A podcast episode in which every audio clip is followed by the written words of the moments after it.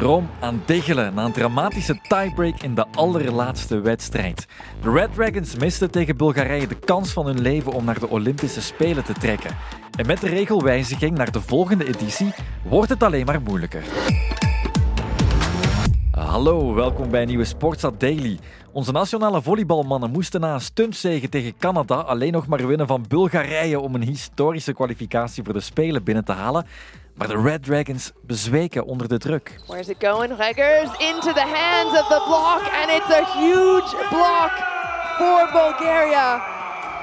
They have stolen the match. In een tiebreak in de vijfde set verloren de Belgen met 13-15 van Bulgarije, dat geen kans meer maakte op de Spelen.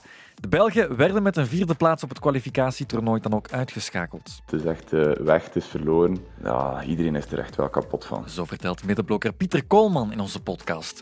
De Red Dragons zagen de Spelen van Parijs door de vingers glippen en voor de oudere generatie waar Koolman deel van uitmaakt, was dit de uitgelezen kans. That's very close to the net. Oh, he's done it! Peter Koolman with a monster block. We're going to five. 34 is hij, Pieter Koolman, en als middenblokker een vat vol ervaring voor de Red Dragons. Iemand die ze niet konden missen op dit toernooi.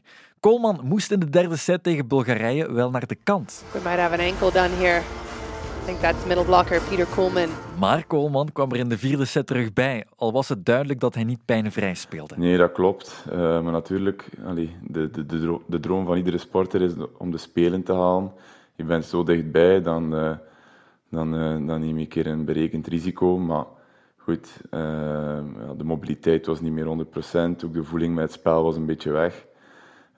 maar goed, je forceert je lichaam. En het is uh, jammer genoeg niet goed uitgedraaid. Zo is het. Het werd een vierde plaats in het Olympisch kwalificatietoernooi, waar enkel de top twee kwalificeerden voor de Spelen. Onze verslaggever Steffi Merlevede legt het nog eens uit. Er mogen maar twaalf ploegen naar de Olympische Spelen. Um, ja, in een absolute wereldsport, wat volleybal absoluut is, hè, is dat geen evidentie. Ik ga het eens uitleggen. Eén ticket was er sowieso al voor Frankrijk, het organiserend land. Belgische coach wel bij Frankrijk, uh, Emile Rousseau. Dan blijven er nog elf plaatsen over.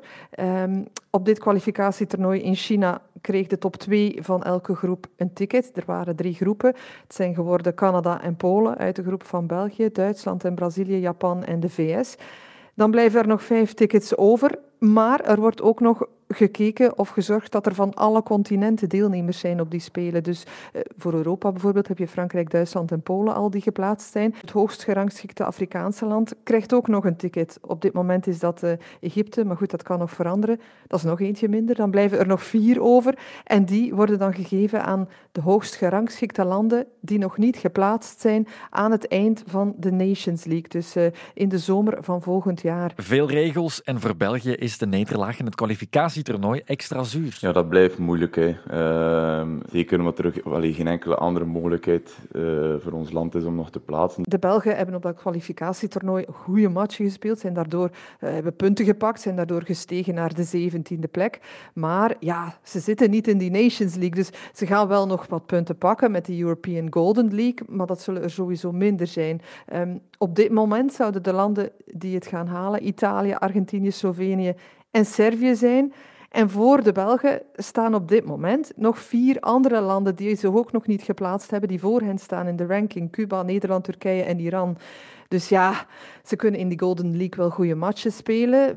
Daar kunnen ze zeker goed mee, pas op. Maar ja, ze kunnen nooit genoeg punten pakken om nog over die vier landen te klimmen natuurlijk. Dus... Uh, ze waren er heel dichtbij, maar het gaat niet meer lukken op deze manier. En bij de vrouwen eigenlijk dezelfde situatie ook zijn. Zij hebben te veel in te halen in die ranking, staan daar uh, te laag op dit moment. Het is definitief voorbij en dat is jammer, want dit was de uitgelezen kans. Met de balans tussen ervaring en jong talent die eigenlijk uitstekend zat in de selectie. Ja, dat klopt. Dat klopt. Ik denk als je naar de, de starting seven keek, dus zes spelers en een libero ik denk dat we met uh, drie, drie dertigers zaten en dan vier echte jonkies van, van, van 20, 21 en 22 jaar.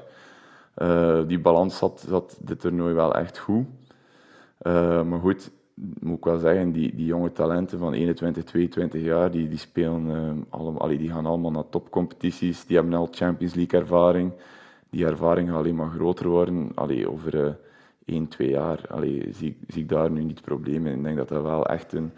een uh, dat, er, dat ze veel geleerd hebben dit toernooi, dat ze, veel, dat ze op korte tijd veel maturiteit aan het bijleren zijn. Um, ik, zie, ik zie dat eigenlijk wel goed in. En dat zal belangrijk worden, want eens de dertigers afhaken, is er niet echt een tussengeneratie om die ervaring rechtstreeks in te vullen. Ja, ze zitten al een paar jaar in overgangsjaren, zal ik maar zeggen, met ervaren mannen die, die gestopt zijn en die vervangen moesten worden. Ik denk maar aan Frank de Pestele en Hendrik Tuurlings. Het, was echt een mix van jonge en ervaren spelers goede jonge talenten, absoluut. Zoals uh, een Wouter, um, een Ferre Reggers, heel sterke aanvaller uh, op dat toernooi. Gaat nu naar Italië, gaat daar spelen, dus die gaat nog verbeteren. Uh, Seppe Rotti, jonge twintigers, hele goede jonge talenten. Maar daarnaast heb je de ervaring van uh, de dertigers van een, een Stijn Dulst, heel belangrijke speler, een Sam de Roo, een Pieter Koolman. Um, maar je hoort het, die mannen zijn alweer begin de dertig. Dus daartussen zit echt wel ja, een generatiekloof. Er is echt een beetje ja, een generatie waar misschien wat minder talent zat, die, die wat gemist is, waar er vroeger zijn uitgevallen. Um, dus het is echt een mix van heel jong en dan wat meer ervaring. Voilà, nog eens zeggen, het was nu best ideaal, maar een kans zoals deze gaan de Dragons niet meer krijgen, want het kwalificatiesysteem voor de volgende Spelen zal niet meer hetzelfde zijn. Van de kwalificatietoernooi gaat het naar pure selectie op basis van de wereldranking. En dan worden de grootmachten bevoordeeld. Dat denk ik ergens wel, maar ergens vind ik het ook logisch. Uh, allee, het toernooi dat we deze week gespeeld hebben, dat is eigenlijk ook voor het volleybal redelijk ongezien. We, spelen we zitten met acht ploegen in een poelen. Uh, op negen wedstrijddagen, dus op negen dagen moeten we zeven wedstrijden spelen. Uh, ja, dat, is, dat is eigenlijk gewoon een, eh, een, een uitputtingsslag. En, en uiteraard, eh, als er dan een paar ploegen of een paar spelers niet fris zitten of klein, komen blessuurtjes de kop opsteken, dan, dan kunnen underdogs, misschien zoals wij deze week, uh, allez, wel opzetten en kunnen wij een ticket van een van de grote landen afnemen. Maar het geloof moet daarom niet afnemen. En dan moeten we naar een van de grootste believers van het Belgische volleybal. Dominique Baes, ex-coach van de Red Dragons en van Roeselaar. Out! Out! Out, niet geraakt, niet geraakt. En Roeselaar wint de tiebreak met 17-15 en pakt de beker van België Ontzettende ontlading bij Dominic Bayens. Heb ik ook nog niet te vaak gezien, die manier. Zo klonk het nog twee keer in de beker met Bayens langs de lijn. Misschien niet altijd even uitbundig, maar hij pakte ook nog acht landstitels en één Europa-beker. Het leverde hem ook acht keer de titel op van coach van het jaar. Hij ziet de kansen niet uiterst negatief in met het nieuwe systeem. Op ranking, ja. Nu, op dat vlak uh, hebben ze natuurlijk wel een goede zaak gedaan. Hè. Ze hebben altijd, ze hebben praktisch uh, ze hebben gewonnen tegen Nederland, tiende. Tegen uh, Canada, uh, elfde of twaalfde, denk ik. Dus hun ranking is wel verbeterd, met, met, als ik me niet vergis, vier plaatsen of vijf plaatsen. Maar of dat gaat voldoende zijn naar de volgende Olympische Spelen toe, dat is een ander verhaal. Je mag natuurlijk ook niet vergeten, ondertussen worden er nog EK's gespeeld. En wordt er ook nog een WK gespeeld. En hopelijk kunnen ze daaraan deelnemen en dat zou eventueel weer een opstapje kunnen zijn naar de volgende Olympische Spelen. En dat zou dan weer de volgende stap kunnen zijn. Maar natuurlijk, er zijn veel als en indienen uh, aan verbonden. En laat het me zo stellen, dit was wel de unieke kans en de kortste weg naar, naar de Olympische Spelen, uiteraard. Alsen en indienen zullen er altijd zijn, maar de jonge generatie die er nu al bij was, heeft ook wel al overtuigd. En er komt nog heel wat aan, zegt. Ja, allee, ik heb het van heel nabij kunnen volgen. Hè. Uh, de Woudeer, de Separoties en zo, die zijn allemaal in de topsportschool gepasseerd natuurlijk. En ja, uiteraard, als de directeur heb ik daar toch heel wat contact mee gehad, ook met de ouders. Dus je hebt daar, allee, je hebt daar een heel goed zicht op. Hè. Ik zeg het al jaren natuurlijk, maar uh, ja, het moet natuurlijk ook bewezen worden in sport. Hè. Je kan het wel zeggen. En, en ja, ik ben nog werkzaam bij de federatie als projectleider van, van het talentteam. Dat is zo'n beetje een team dat tussen de jeugdselectie staat en de, en de Red Dragons. Uh, samen met Brecht van Kerkhoven. En elke zomer uh, werken we met die jonge gasten. Uh, dus ja, ik, ik, ik weet wel en ik zag wel dat er heel wat talent aan komt, aankwam. ook onze, onze nationale jeugdselecties, U21, U19, hebben heel goede resultaten gehaald op WK's. Dus ja, dan weet je, het talent is er, maar het moet natuurlijk wel al die puzzelstukjes moeten in elkaar vallen. Hè. Die, die, het moet klikken met de ervaren spelers, met de Sam de Roos, met de Stijn Dulst, met de Pieter Koolmans van deze wereld. En dat is nu wel deze zomer gebeurd. En Koolman zelf kan op zijn 34ste dus ook berusten in het feit dat zijn opvolging verzekerd wordt. En dat die ingevuld wordt door de juiste karakters. Ja, zeker. Uh, het is mooi om te zien.